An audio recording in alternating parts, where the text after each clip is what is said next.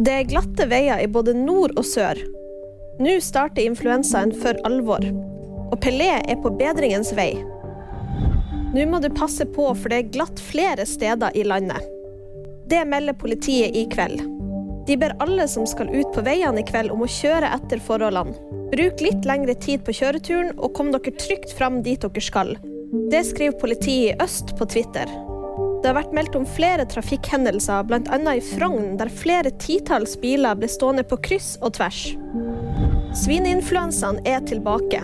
Tusenvis av snufsete og sengeliggende nordmenn har en litt hakkete start på adventstida, men det kommer sannsynligvis til å bli verre. Det sier FHI.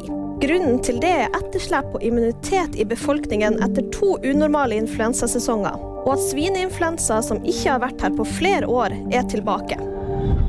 Ifølge en sykehusrapport er den brasilianske fotballstjernen Pelé på bedringens vei.